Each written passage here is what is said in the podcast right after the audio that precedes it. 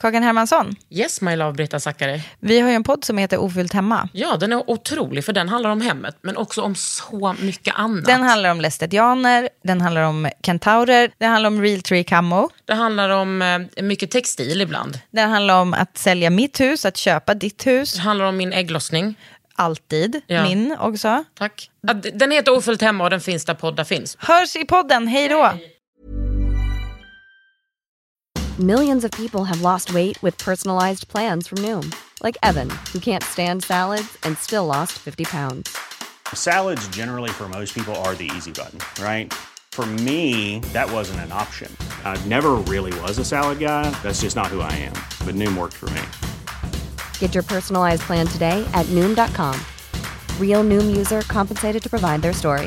In four weeks, the typical Noom user can expect to lose one to two pounds per week. Individual results may vary. Det här är en podd från L. Idag i Under huden kommer Kerstin Weigel och Kristina Edblom hit. De är journalister på Aftonbladet och har skrivit boken I händelse av min död som handlar om hur kvinnor dör i Sverige men ännu mer om hur de lever. De har liksom i tio års tid dokumenterat varenda fall i Sverige där en kvinna har blivit dödad av sin partner eller expartner. Och de har här idag fått prata om det. Varmt välkomna. Under huden. Med Kakan Hermansson.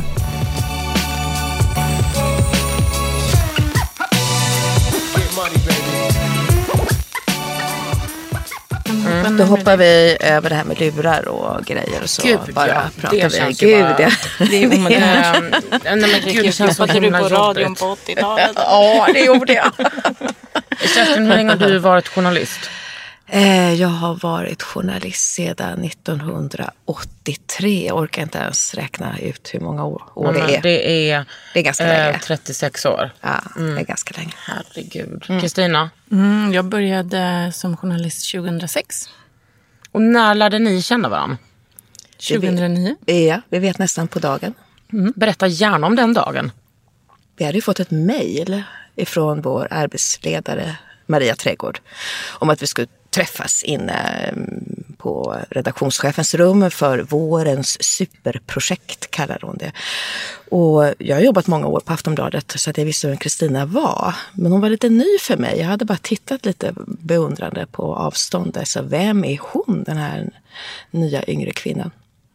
Ja, men, och du hade ju varit borta precis, eller hur? Och varit tjänstledig. Jag hade varit tjänstledig några år och höll på att nyorientera mig. Så vi satte oss där i en soffa och skakade hand och så här, bekantade oss med varandra. Ja, Ja, det var var det. väldigt eh, otypiskt för hur ett så här vanligt utlägg, journalistutlägg brukar se, se ut och gå till. Det var lite högtidligt. Ja, ja. man Vad ville. Trädgård då? Ja, men de hade ju sett eh, att eh, VG i Norge hade gjort en liknande granskning och tagit reda på hur många kvinnor som dödats av sin man.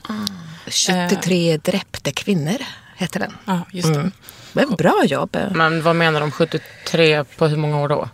Under 2000-talet. Eh, Och Ja, vår chefredaktör Janne Helin var det vid den tiden. Han hade blivit väldigt entusiastisk för det här projektet så att han ville att vi skulle pröva och göra något liknande. Helst ännu bättre då. Deras var ganska krimmigt. Eh, De hade också gjort någon form av uppställning med alla fall. Och de illustrerades nästan alltid med en bild, en sån här polisavspärrning eller en ambulans. Och sådana här typiska bilder från förundersökningar eller så som man oftast rapporterar om mord. Och vi var väl ganska på det klara med direkt. Jag kommer inte ens ihåg. Det kanske till och med var vårt uppdrag att vi inte skulle göra på det sättet. Utan vi skulle verkligen försöka få fram de här personerna och berätta om dem som människor. Fokus på det. Vilka var de? Men hur liksom, hur kände ni på varandra? För att det är ju ändå så, det är ett mega uppdrag eh, att få. Och liksom hur visste ni att ni hade samma feministiska analys? Alltså, vad hade ni för ingång? Vad hade ni för erfarenheter? Hur liksom prövade ni varandra?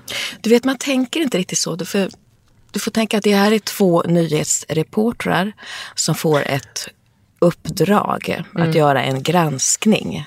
Så på det viset är det ganska prosaiskt från början. Det handlar om hur sjutton skulle vi hitta hitta alla de här brotten. Och det fanns en metod som tog väldigt lång tid därför att det var lite krångligt. Vi var helt enkelt tvungna då att eh, begära hem allt polisanmält dödligt våld sedan 1 januari år 2000. Alltså det var ju sedan nio år tillbaka. Och de uppgifterna fanns hos 21 olika länspolismyndigheter. Och det fanns två brottskoder att gå efter. Och vi förstod snart att nästan alltid när en kvinna hittas död så anmäls det som misstänkt mord. Fast man är ganska säker på att det kanske är en överdos eller ett självmord. Så det var väldigt mycket att gå igenom. Så från början så var vi helt enkelt två byråkrater höll jag på att säga. Ja men faktiskt, som satt med långa, långa listor, jagade uppgifter, såg till att lära oss Excel på våra datorer för det hade vi Ja, inte. det var sånt också. Ja, så att det var väldigt mycket facts. Jaga uppgifter, vara noggrann, orka läsa alla handlingar, orka fylla i alla de här miljoner rutorna Mycket svart kaffe. Det var så det började. mycket mycket och liksom eh, tråkigt. Man får ha en kamrerssjäl också om man ska eh, orka med och vara undersökande journalist. Sen hade vi ju inte en aning om hur pass omfattande det var när vi började. Men Eh, hur, Tack och lov. hur såg eh, uppdraget ut? Hur lät uppdraget? Hitta varje fall då en kvinna dödats av en man eller exman i Sverige sedan den 1 januari år 2000. Till, Till dags dato då, och det var ju våren 2009. Men i boken, är det mellan eh, 2000 och 2009 också? Nej, det här var ju då för tio år sedan. Ja, och precis. sen har vi bara fortsatt. Eh, och, och det har gått tio år. Eh, och vi har fortsatt räkna, vi har fortsatt hitta varje fall och kartlägga de här morden. Och vi har intresserat för oss för kvinnorna och barnen och också gärningsmännen. Och med den här boken så ville vi på något sätt sammanfatta de här tio åren och våra viktigaste slutsatser. Och vi ville ännu mer än någonsin lyfta fram kvinnornas egna berättelser. Så det som hände, hur vi hittade varandra, på svar på den frågan, det var ju att under tiden vi satt där liksom begravde de här dokumenten och Excel-arken så är det som att det långsamt avpixlas en bild av vad det är som har hänt. Dels när vi började prata med de anhöriga. Det var ju det. Vi visste att vi var tvungna att ringa till alla anhöriga. De ju, hade ju rätt att få veta att vi gjorde det här.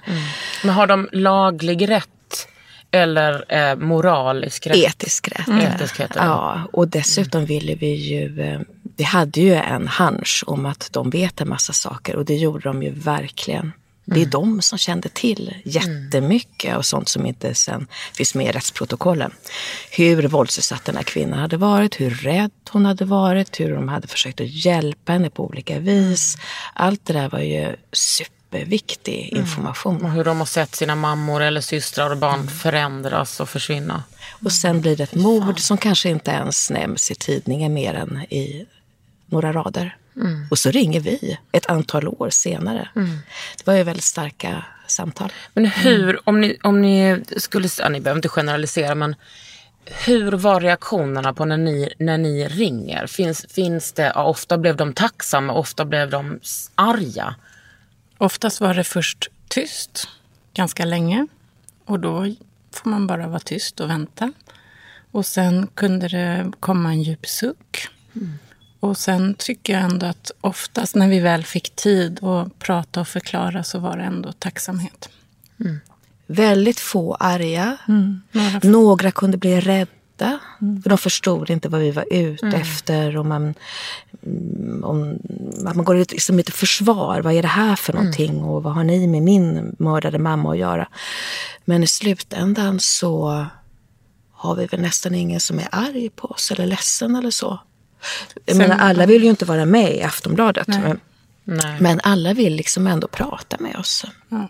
Och vi är ju noga med att poängtera att vi kommer inte göra någonting mot din vilja. Vi kommer att skriva om det här fallet. Alla fall ska vara med. Men det är upp till er att bestämma i vilken omfattning och om vi får ha bild och så vidare.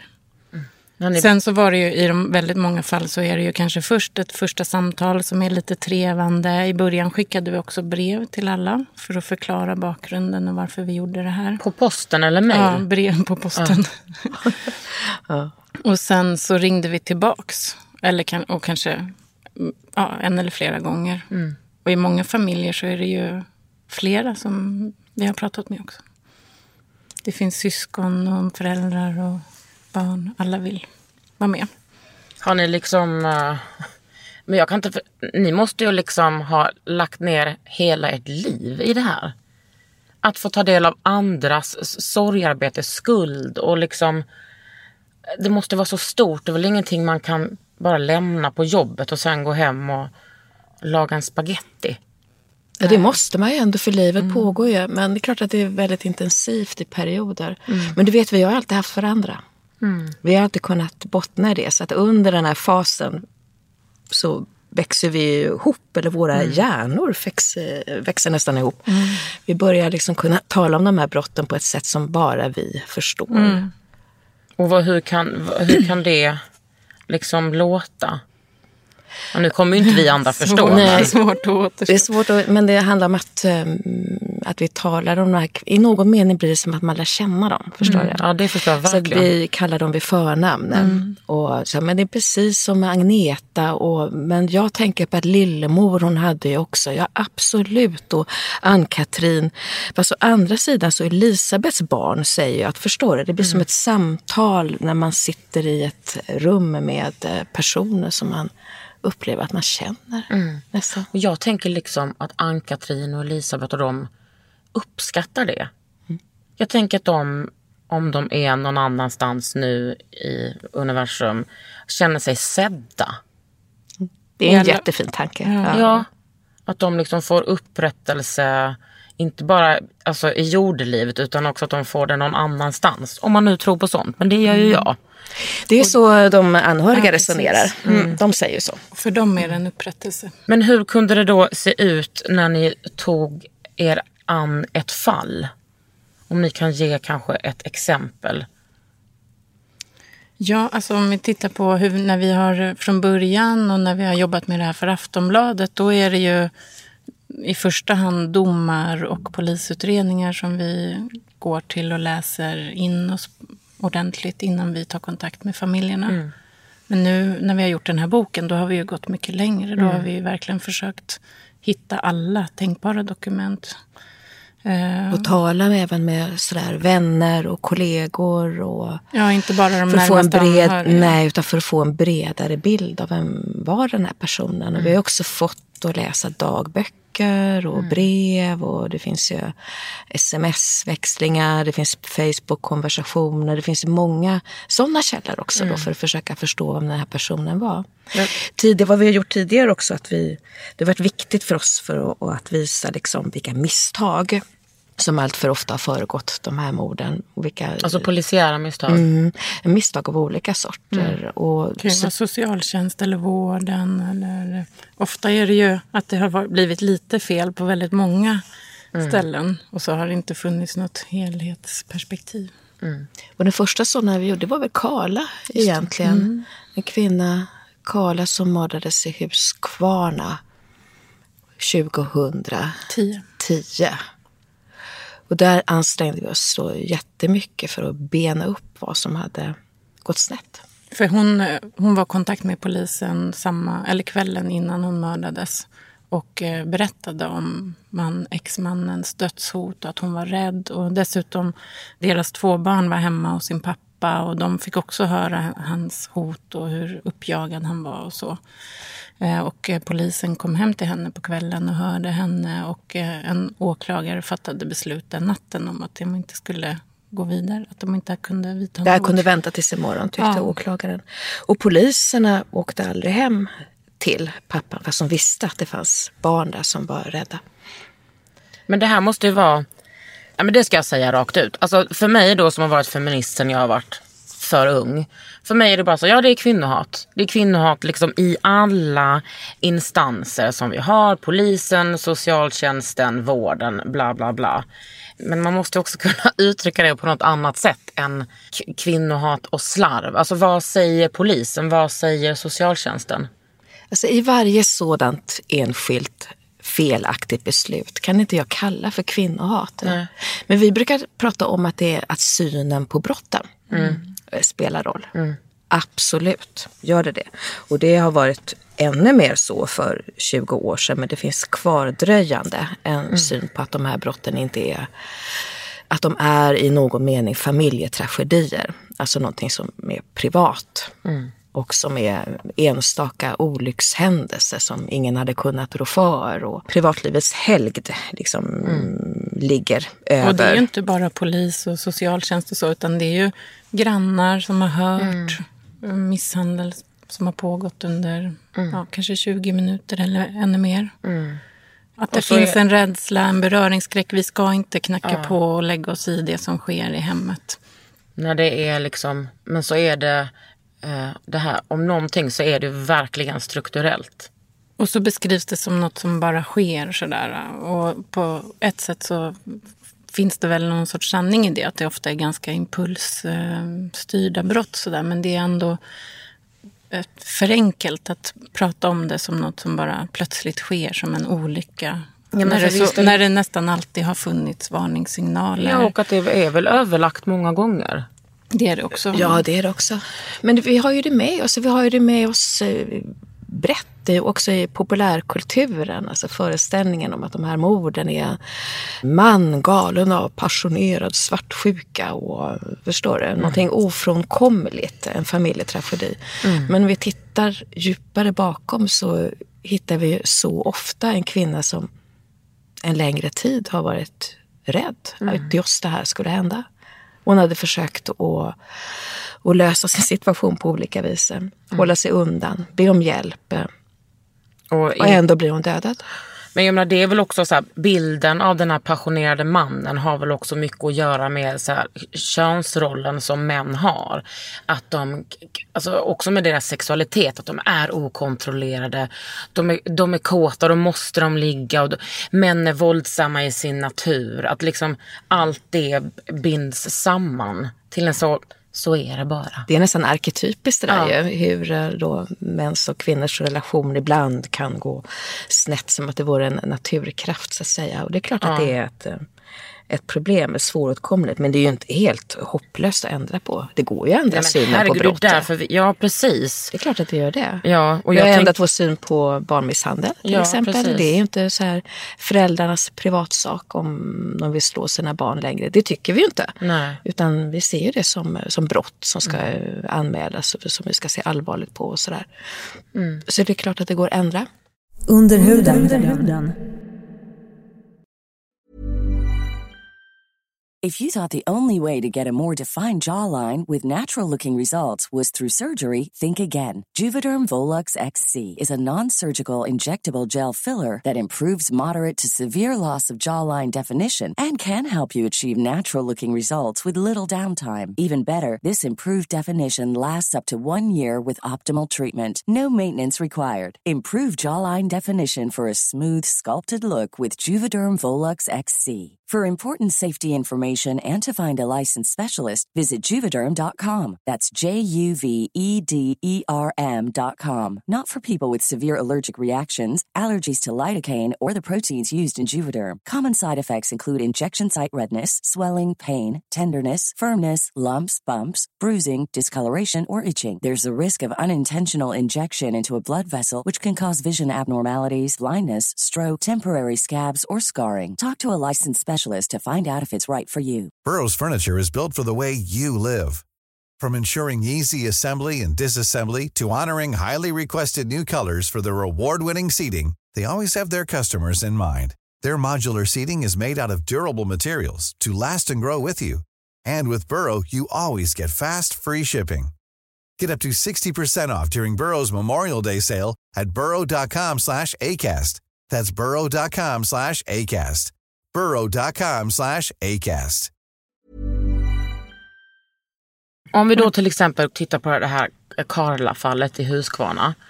Eller ni kan ta något annat exempel också. Men hur, jag menar för jag tänker att om ni begär ut eh, vad heter det, polisförundersökningar och domstols eh, som det, ja ni förstår. Då är väl det ganska kliniskt. Men jag tänker att eh, när ni går och pratar med syskon, föräldrar, barn, att man får en mer reell känsla av rädsla.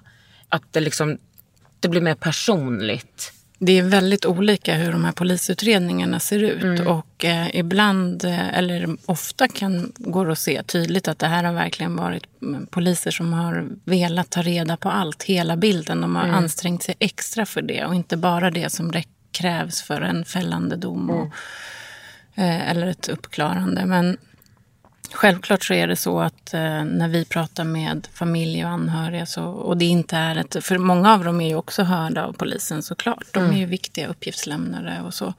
Och inte minst för att ge en bakgrund. Och, men då, då får vi mycket mer information och det tror jag också gör... Det är väl något av det som gör vår undersökning speciell. För att det finns ju forskare som har kollat på de här brotten och studerat dem. Men det är nog inte någon annan som vi känner till som i den här utsträckningen har tagit Är det in. kriminologer då? Ja, precis. Men vad skulle ni säga, och det här kan ni liksom berätta hur mycket som helst. Vad är det ni får som inte forskarna får?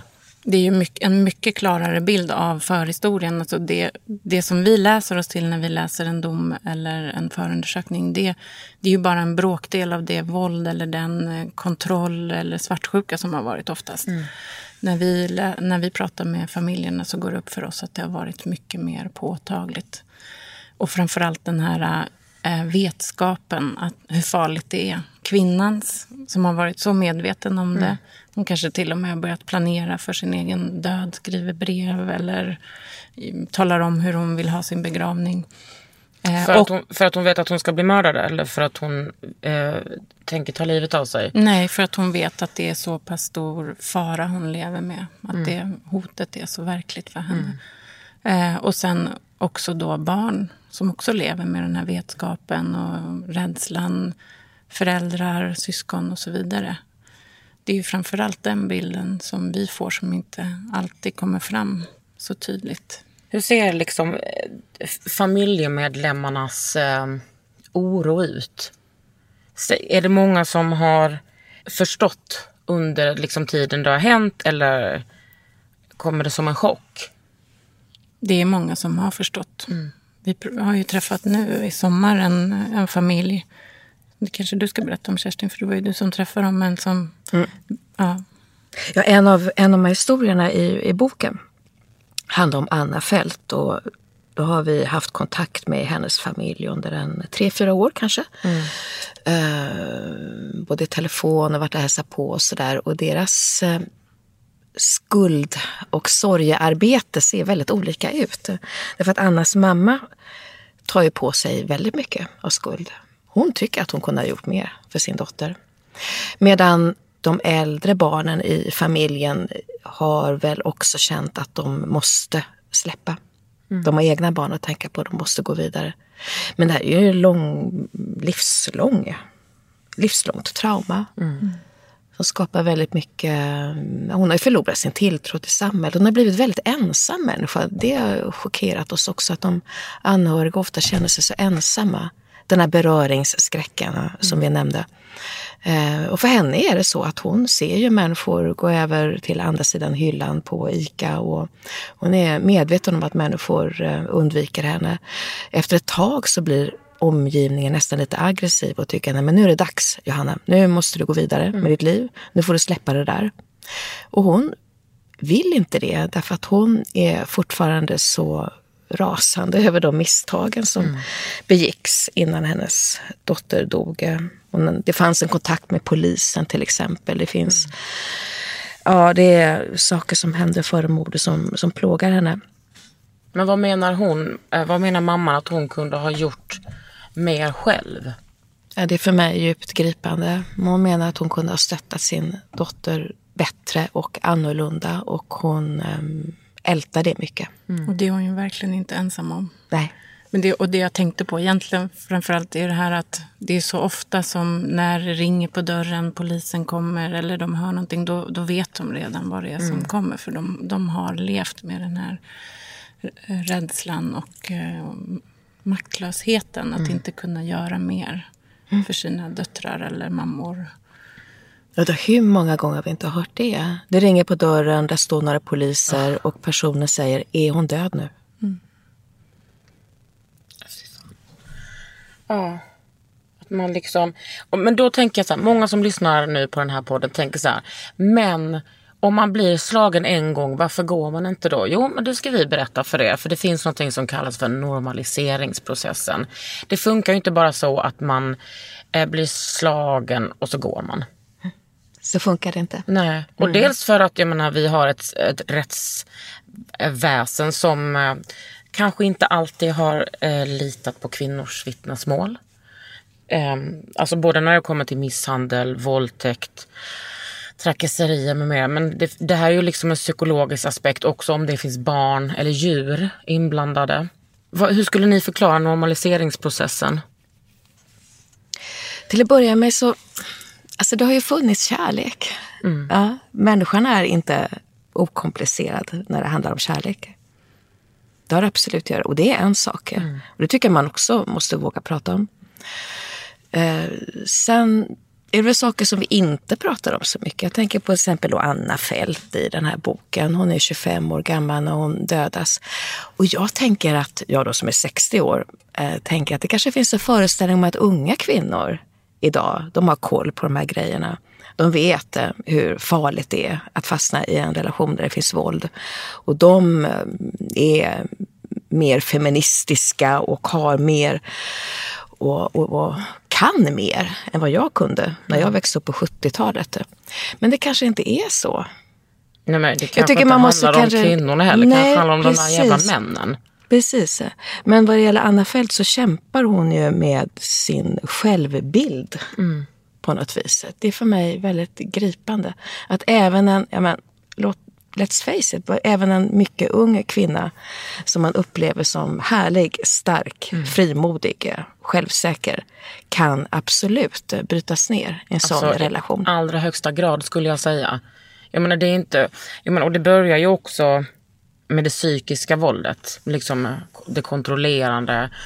Och det som jag tycker ofta är så, alltså så um, avgörande är den här avskärmningen.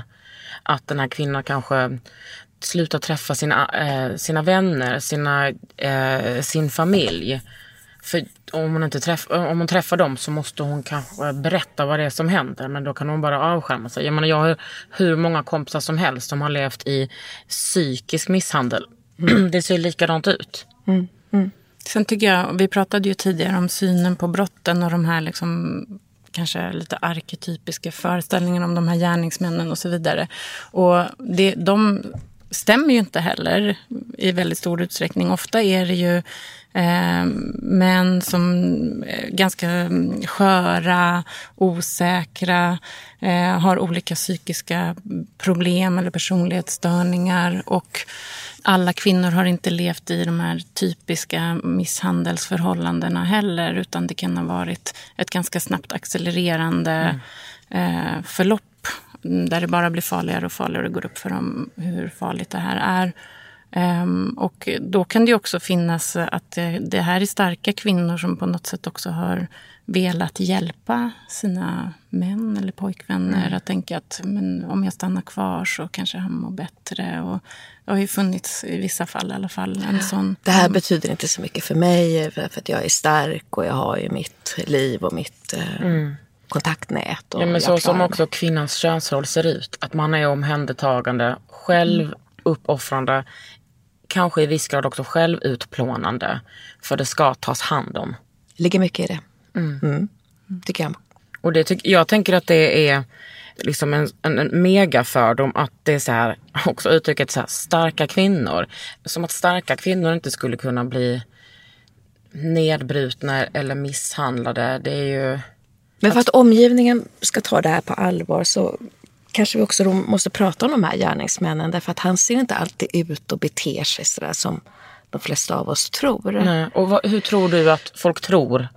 Jag tror att de flesta tänker på en, eh, en eh, våldsam, högröstad kille, öppet kontrollerande och så.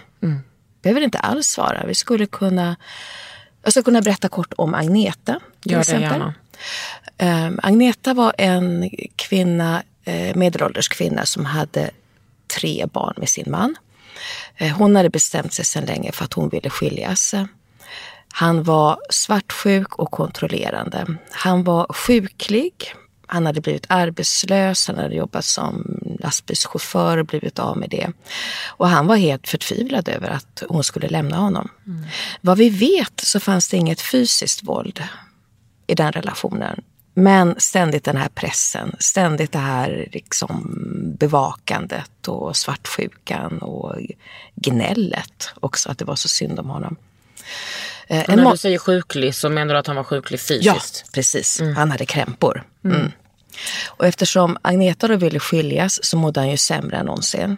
Han kunde inte sova. Han gick till företagshälsovården. Så skickade honom till en sömnexpert. Så skickade honom till en annan läkare.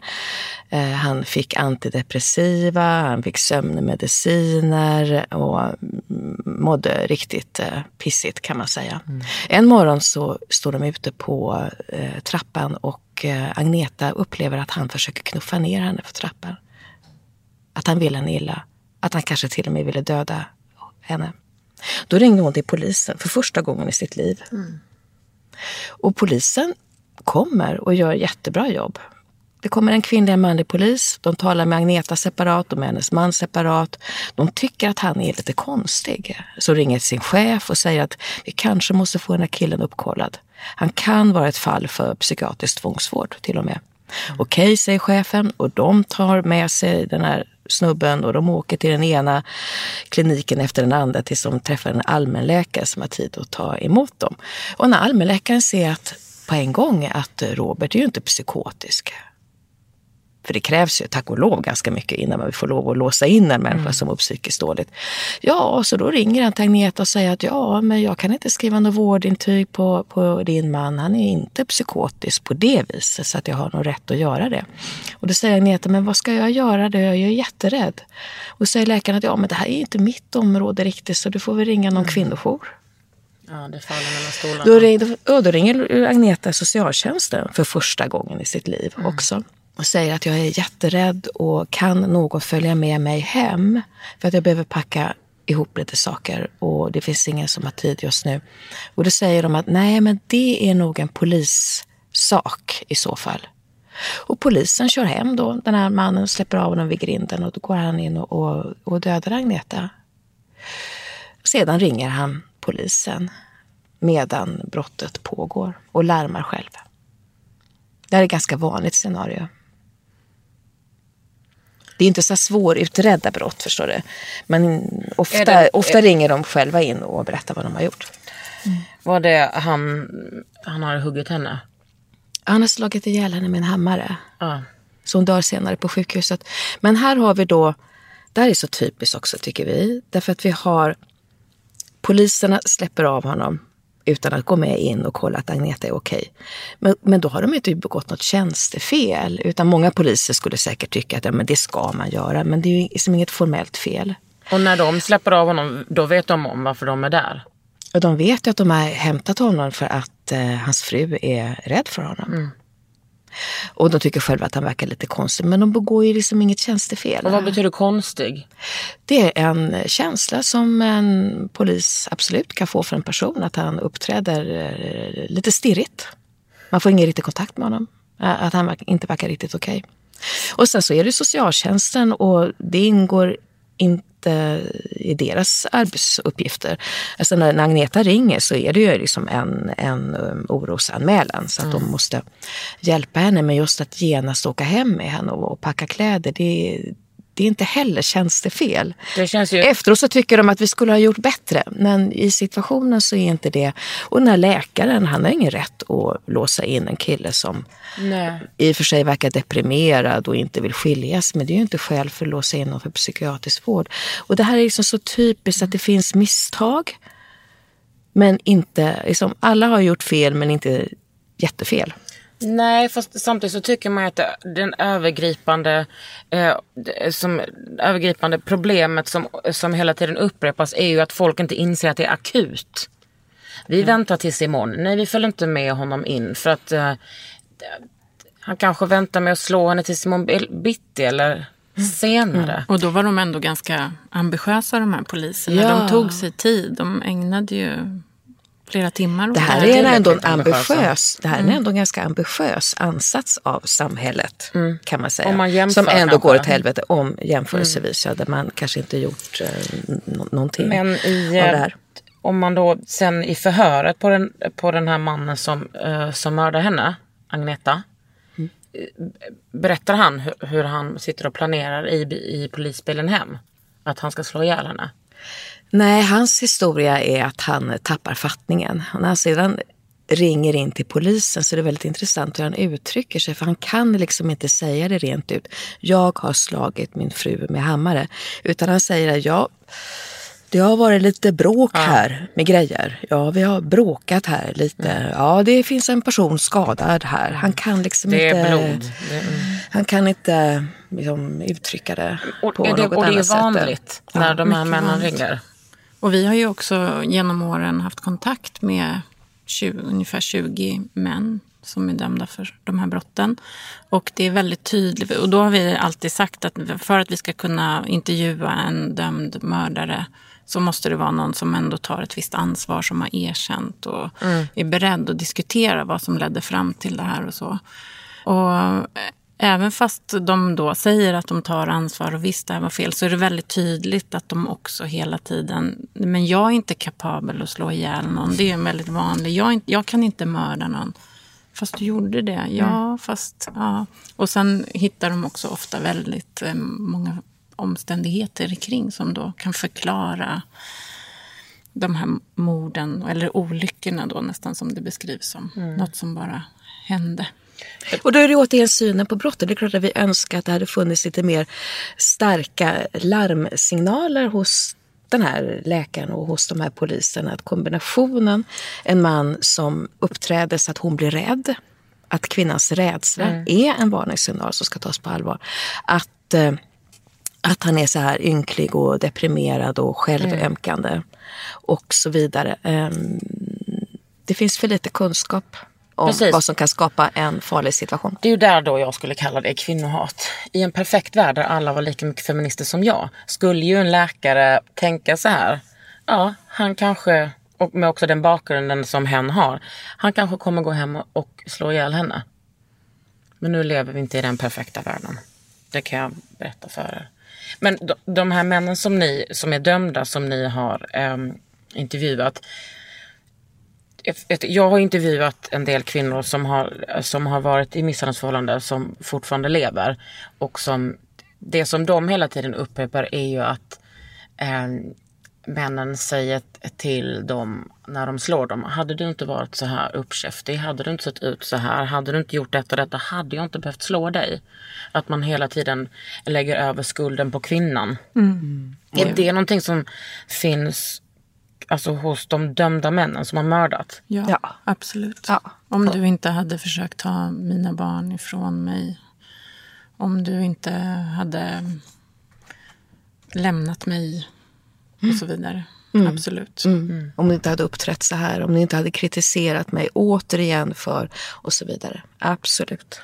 Men är då... Jag brukar alltid säga att våldtäktsmän och män som misshandlar kvinnor inte är psykiskt sjuka utan att de eh, bara är män som är lite störda. Eh, vad säger ni? Ja, det vi vet mycket om är just de här männen som har dödat. De är, alltså de här, det här är ju extremfallen av våld i nära relationer som, slutar, som slutar med mord.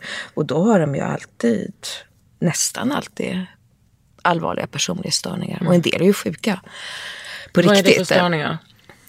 Det kan ju vara sån här emotionell instabil personlighetsstörning, borderline, som det oftast kallas i så här vanligt tal. Eh, och då är det ju den här mannen som har väldigt svårt att klara av en separation, som eh, blir osäker och tycker synd om sig själv. Och, och i de här trängda lägena då kan bli väldigt aggressiv och så. När han inte längre kan resonera överhuvudtaget kring sin situation så verkar det som någonting annat eh, tar över. Men är det här personlighetsstörningar som ploppar upp när det kommer till en separation eller har han alltid varit så?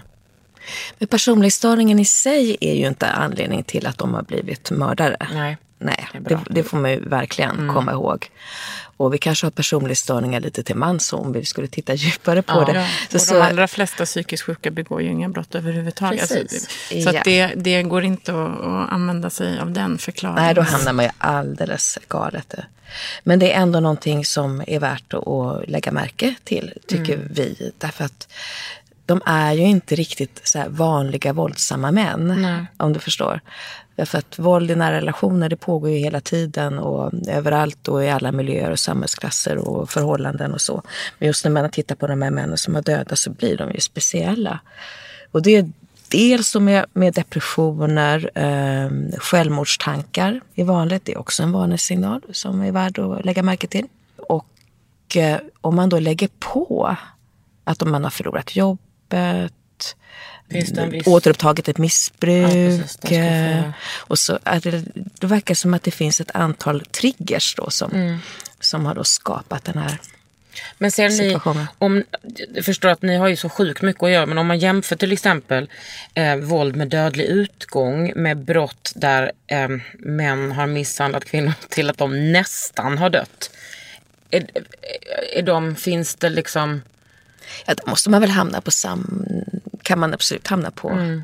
Det är ju några av man. de här eh, fallen också som är kanske mer misshandlar, där, alltså där det är kvinnor som har levt i, misshandel och där det är en där de har egentligen misshandlats till döds. Så att det, har, eh, och det kanske det lika gärna kunde ha skett någon av de här tidiga gångerna när de allvarligt har nästan slagits till ihjäl. Och det finns ju kvinnor som har eh, vårdats eh, på sjukhus eh, akut med allvarliga misshandelsskador och som sen skjutsas hem av polisen. Och sen, Man. och sen dör de. Ja, Eller kanske överlever. ja. Det här är så jävla deppigt. Men jag hoppas att man inte läser den här boken och tycker att det är deppigt och det här är ingen idé att hålla på med och det är knappt någon mening med att ringa polisen. Tänk om någon skulle tänka så. Det skulle ju vara för oss men jag tänk- fruktansvärt. Ja, men jag tänker tvärtom. Det här är så jävla deppigt och nu köttar vi på. Alltså så, det, jag tänker att det, det får ju finnas plats för båda sorters eh, känslor. Att det är så man måste också inse allvaret i, i liksom det här strukturella problemet som vi har över hela världen. Att män dödar sina kvinnor och sina ex. Men att du blir så engagerad, det är ju, det är ju fantastiskt. För vår, det är meningen att de här berättelserna, att man genom de här berättelserna ska förstå en massa saker och bli uppmärksam på massa saker. Och kanske till och med arg på massa saker, absolut. Ja men arg. Jag, du vet jag kunde nästan inte... Ja, när jag fick hem boken, då precis när den kom. Då öppnade jag bara den på måfå och läste en sida. Och liksom grät och ville kräkas för att det var så vidrigt. Och då är jag ändå van vid det här. Jag har gjort ett jättestort, alltså en jättestor eh, vad heter det, soloutställning som handlar om exakt detta som heter Jag ska begrava dig. Där jag intervjuar två kvinnor. Alltså då har jag haft liksom kontakt, dels eh, har jag annonserat efter sådana här kvinnor men också via kvinnojourer. Som, som är ett sån viktig instans i vårt samhälle. Intervjuat kvinnor om deras erfarenheter och eh, transkriberat, gjort manus och har skådisar läst monologer. Det var ingen kul utställning. Men någon måste göra den tänkte jag. Jag ser det som liksom eh, toppen av det patriarkala berget som vi alla liksom står på. Och som feminist tycker jag liksom att det är eh, det är inget som är så här, ja ja och sen så finns det våld mot kvinnor. Det är så himla centralt i vårt i vårt samhälle. Allt från hur så här, pojkar är på förskolan till det här. Och hur porren, liksom hur det syns i porren, hur det syns i ja, men, populärkulturen. Och hur, liksom hur det ser ut i allas eh, våra liv. Och jag lever ju inte ens i ett heterosexuellt förhållande. Men jag ändå tycker att det här är så viktigt. Hur, när du träffar kvinnor då som lev, levt i sådana här relationer, och så, vad, vad brukar du säga till dem? Hur de ska komma ur sin situation? Dels att de ska berätta hela tiden för sina kompisar. Och också och, och familj och att de ska anmäla så att det finns på papper liksom. Och också att de ska säga till sina anhöriga att de ska anmäla. De ska ringa polisen alltid. Så att det finns på papper, papper. Och sen så finns det vissa som har överfallslarm. Då säger jag, alltså vid minsta tillfälle, tryck på det där. För att då, då kan det ju komma, alltså om man har sånt där larm, då kan det ju komma liksom fyra liksom bilar. Låt honom se att det där är vad du liksom dealar med. Eh, och sen, så, men sen är det ju det där, man kan ju säga till kvinnor att de inte ska gå tillbaks. Men det är ju, alltså lever man i sånt där destruktivt förhållande så är det ju också någonstans det man känner till. Och då är det, på nå det är lite skönt att gå tillbaks till det. Man Mm. känner det. Och också kanske ofta för att han hotar med att ta livet av sig. Precis. Som eh, många män gör. Och så har man barn. Och det som man, jag tycker man pratar väldigt lite om, som Karin Holmberg är bra på att prata om, det är djuren. Att det är inte ovanligt att männen skadar de här djuren som finns hemma. Dödar hundar eller katter. Eller tar dem. Men alltså mest är jag ju bara där för att jag vill lyssna på de här kvinnorna och lära mig. Och sen kunna liksom eh, berätta för andra människor. Det är viktigt det du säger nu, att, att lyssna utan att döma. Ja. Det kan vi se hur avgörande det är. Att få berätta utan att bli eh, bedömd. För att alla ställer väl sig frågan egentligen så här, men hallå varför går du inte första gången du blir slagen? Men det är inte så lätt. Och där har ju, det är väl några kvinnor som har skrivit den här boken, Varför går hon? Som används mycket tror jag i undervisningssyfte. Karin Holmberg har ju varit med och skrivit den tror jag. Det är också en missuppfattning som ju alla måste känna till. att Det är lätt att se det som att eftersom hon går tillbaka nu så kan det inte vara så farligt med det här våldet. För hur skulle hon kunna gå tillbaks? Men i själva verket är det nog ofta då ett tecken på istället att det är farligt. Därför det blir lite säkrare att ha, vara kvar. Särskilt om man har barn tillsammans. Eh, därför att då har man lite koll. Det ser vi ju gång på gång hur kvinnorna har haft som strategi att behålla antingen att gå tillbaks eller för den del behålla kontakt som en av kvinnorna som vi skriver om i boken, Kim Hedberg. Hon eh, började ju skriva ett brev till sina barn och sin familj för lång, många år innan hon sen mördades. Och då, där hon var så, det är så tydligt när man läser det här brevet och att hur medveten hon var om att det var så farligt. Och hon, jag tror till och med hon uttryckte det så. Det kanske låter som att jag planerar för min egen begravning men det är precis så det är. För jag är medveten om att vad som helst kan hända. Och sen gick hon tillbaka och de hade en liten så av och på relation. Och, men efter skilsmässan så fortsatte de att hålla kontakt med sin exman. Och det var kanske svårt att förstå för många i hennes omgivning. Men sen hände det en, en sak att han slog sönder hennes lägenhet. Och det blev som en väckarklocka för henne och då bröt hon totalt med honom. Och då, det var ju då det blev riktigt farligt. Och då gick hon ju med telefonen i handen och 112 inslag var hon än gick. Och eh, gjorde egentligen allt. Hade kontaktförbud, eh, antecknade varje gång hon såg honom, antecknade varje överträdelse och så vidare. Eh, och eh, sen lyckades han ändå eh, finna henne då när hon var på väg hem en kväll. Eh, och mm, där har ju vi pratat med både nära vänner till henne och, och eh, hennes döttrar. Och de har ju verkligen förstått och insett att det var, det var hennes strategi att hålla kontakt. För, att- för, att, för att det var så farligt. Och så blir det livsfarligt när hon bryter all kontakt. Och det är hela tiden man kan ju också känna en viss förtvivlan över att det är så himla svårt att komma loss på riktigt. Ja. Och att, man är, att de här kvinnorna inte är garanterade någon säkerhet. Och jag är inte ens klar över hur vi ska komma dit. Att man säkert kan bryta. Men det händer hela tiden. Och det är ju helt stört att kvinnor måste ha strategier för att liksom kunna överleva. Jävla as, sluta döda kvinnor. Hur svårt ska det vara att låta bli med det? Det finns ju också en, en sån, ett sånt vrede i de här männens eh, manlighet. Alltså jag tänker att den, liksom den kombinationen av att bli lämnad och att ens alltså så ens manlighet blir krossad. Den vreden syns i hur kvinnorna sen blir mördade. Eller hur? Det är ett övervåld som är Ja, det är nästan obeskrivligt. Det var en av de sakerna när vi satt och Kristina och jag för tio år sedan och hade börjat med det här arbetet när det går upp för oss vad som har hänt. Herregud.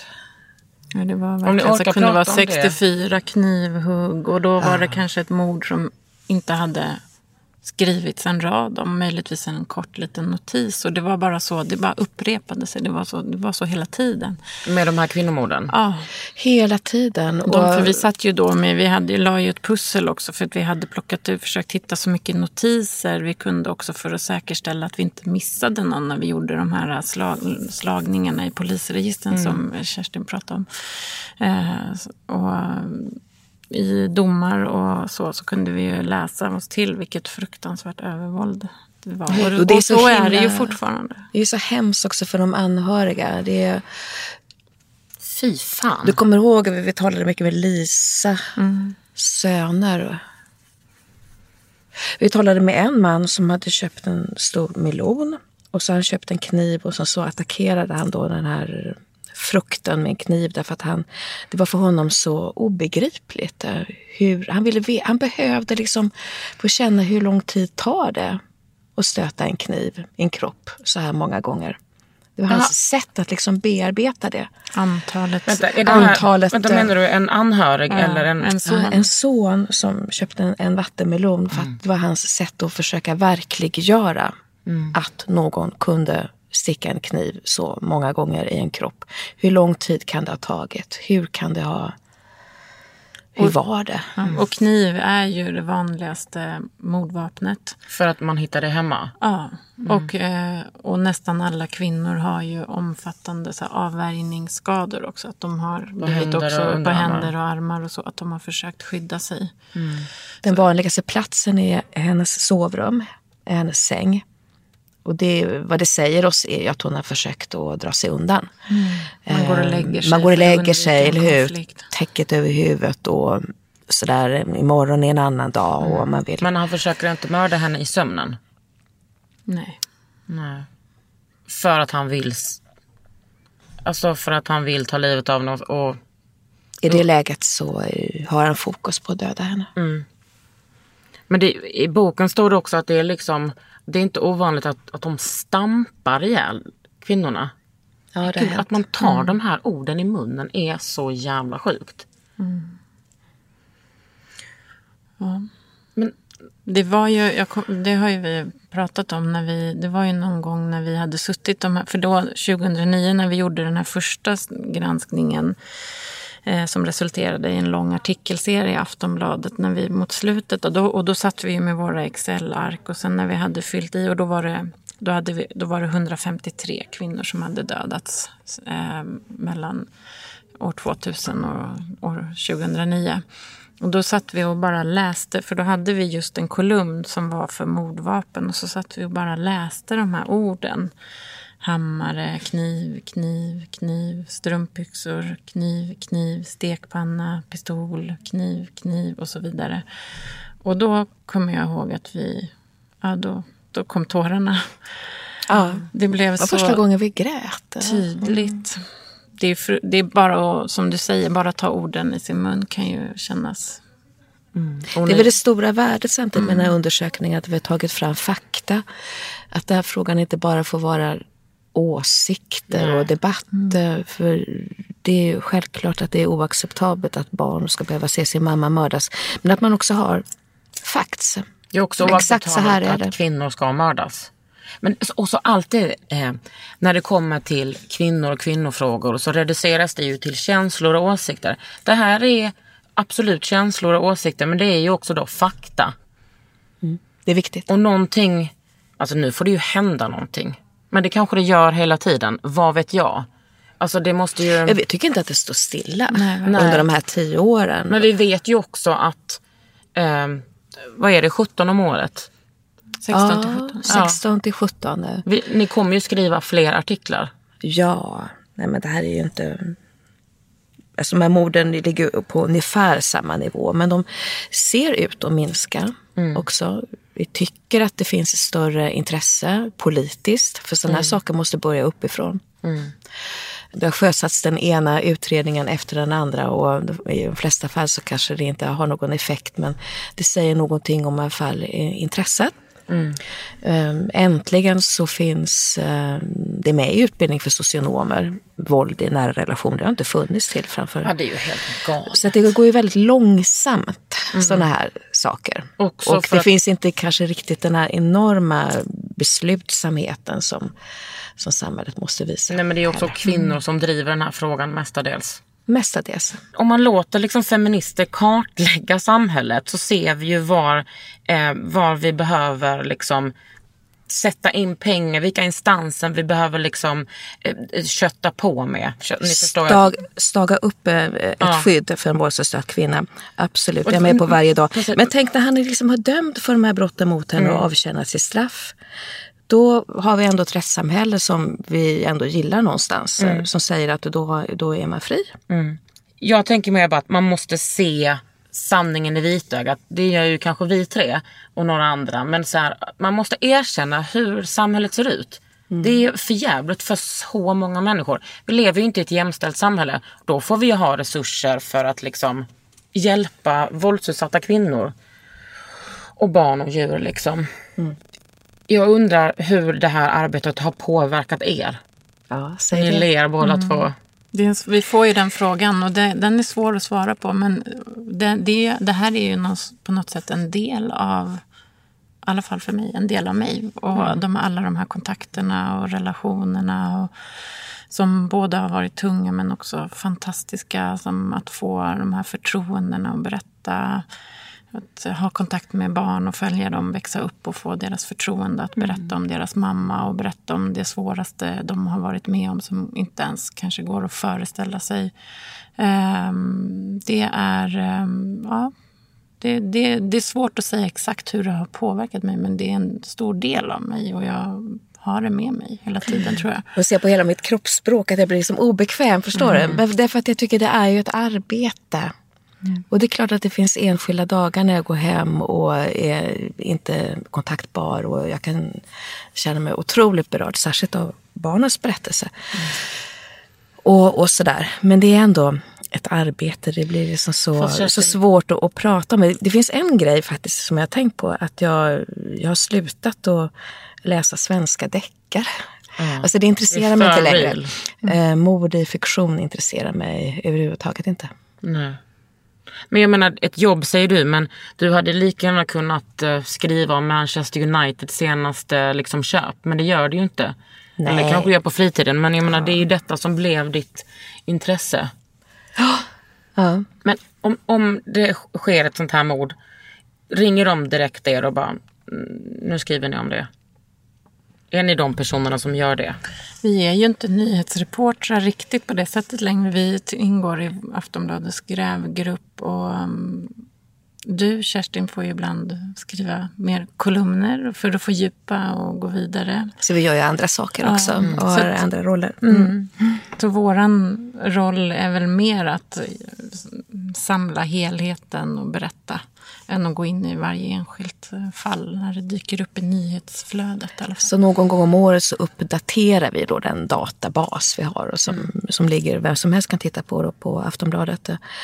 Och så får vi otroligt mycket, jag får mejl fortfarande varje dag faktiskt eh, från människor som vill diskutera denna frågan, vill berätta någonting, söker kontakt, eh, frågar och så. Så vi har blivit nästan som, absurt nog, nästan som någon slags myndighet. Och vi vet att de sitter på Socialstyrelsen och på Brottsförebyggande rådet och så och, och navigerar efter vår undersökning.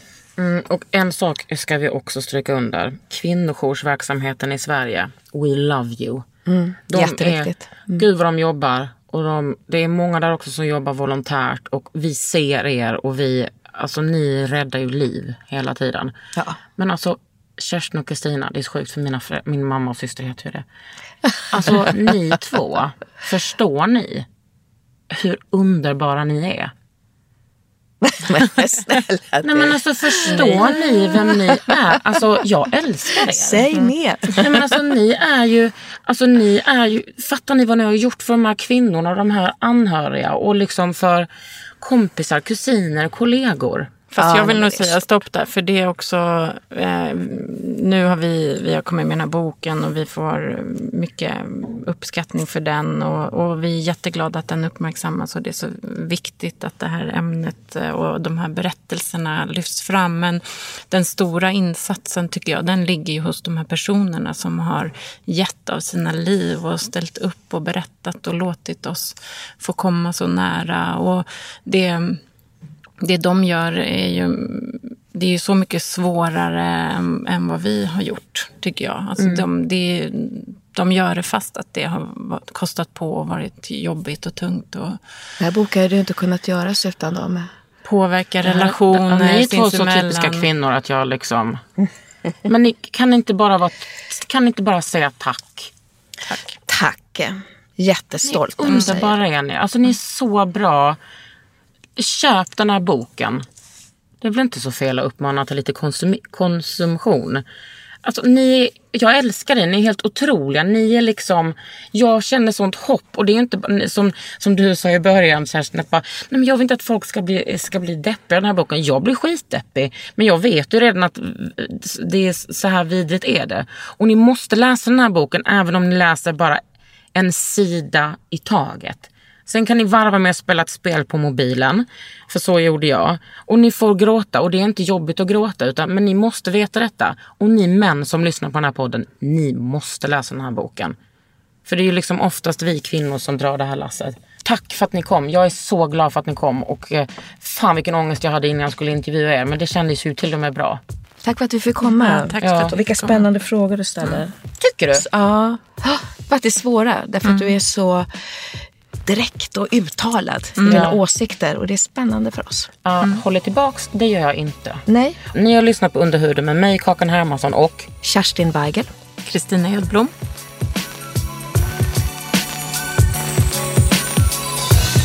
Du har lyssnat på Under huden med Kakan Hermansson. En podd från L.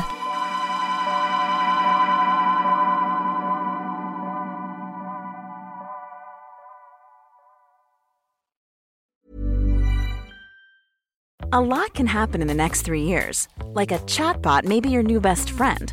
But what won't change? Needing health insurance. United Healthcare Tri Term Medical Plans are available for these changing times.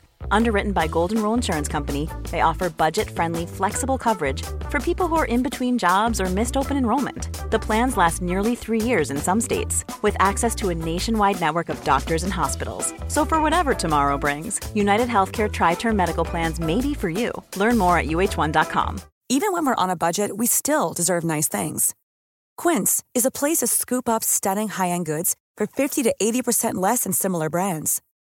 They have buttery soft cashmere sweaters starting at $50, luxurious Italian leather bags, and so much more. Plus, Quince only works with factories that use safe, ethical, and responsible manufacturing. Get the high-end goods you'll love without the high price tag with Quince. Go to quince.com/style for free shipping and 365-day returns.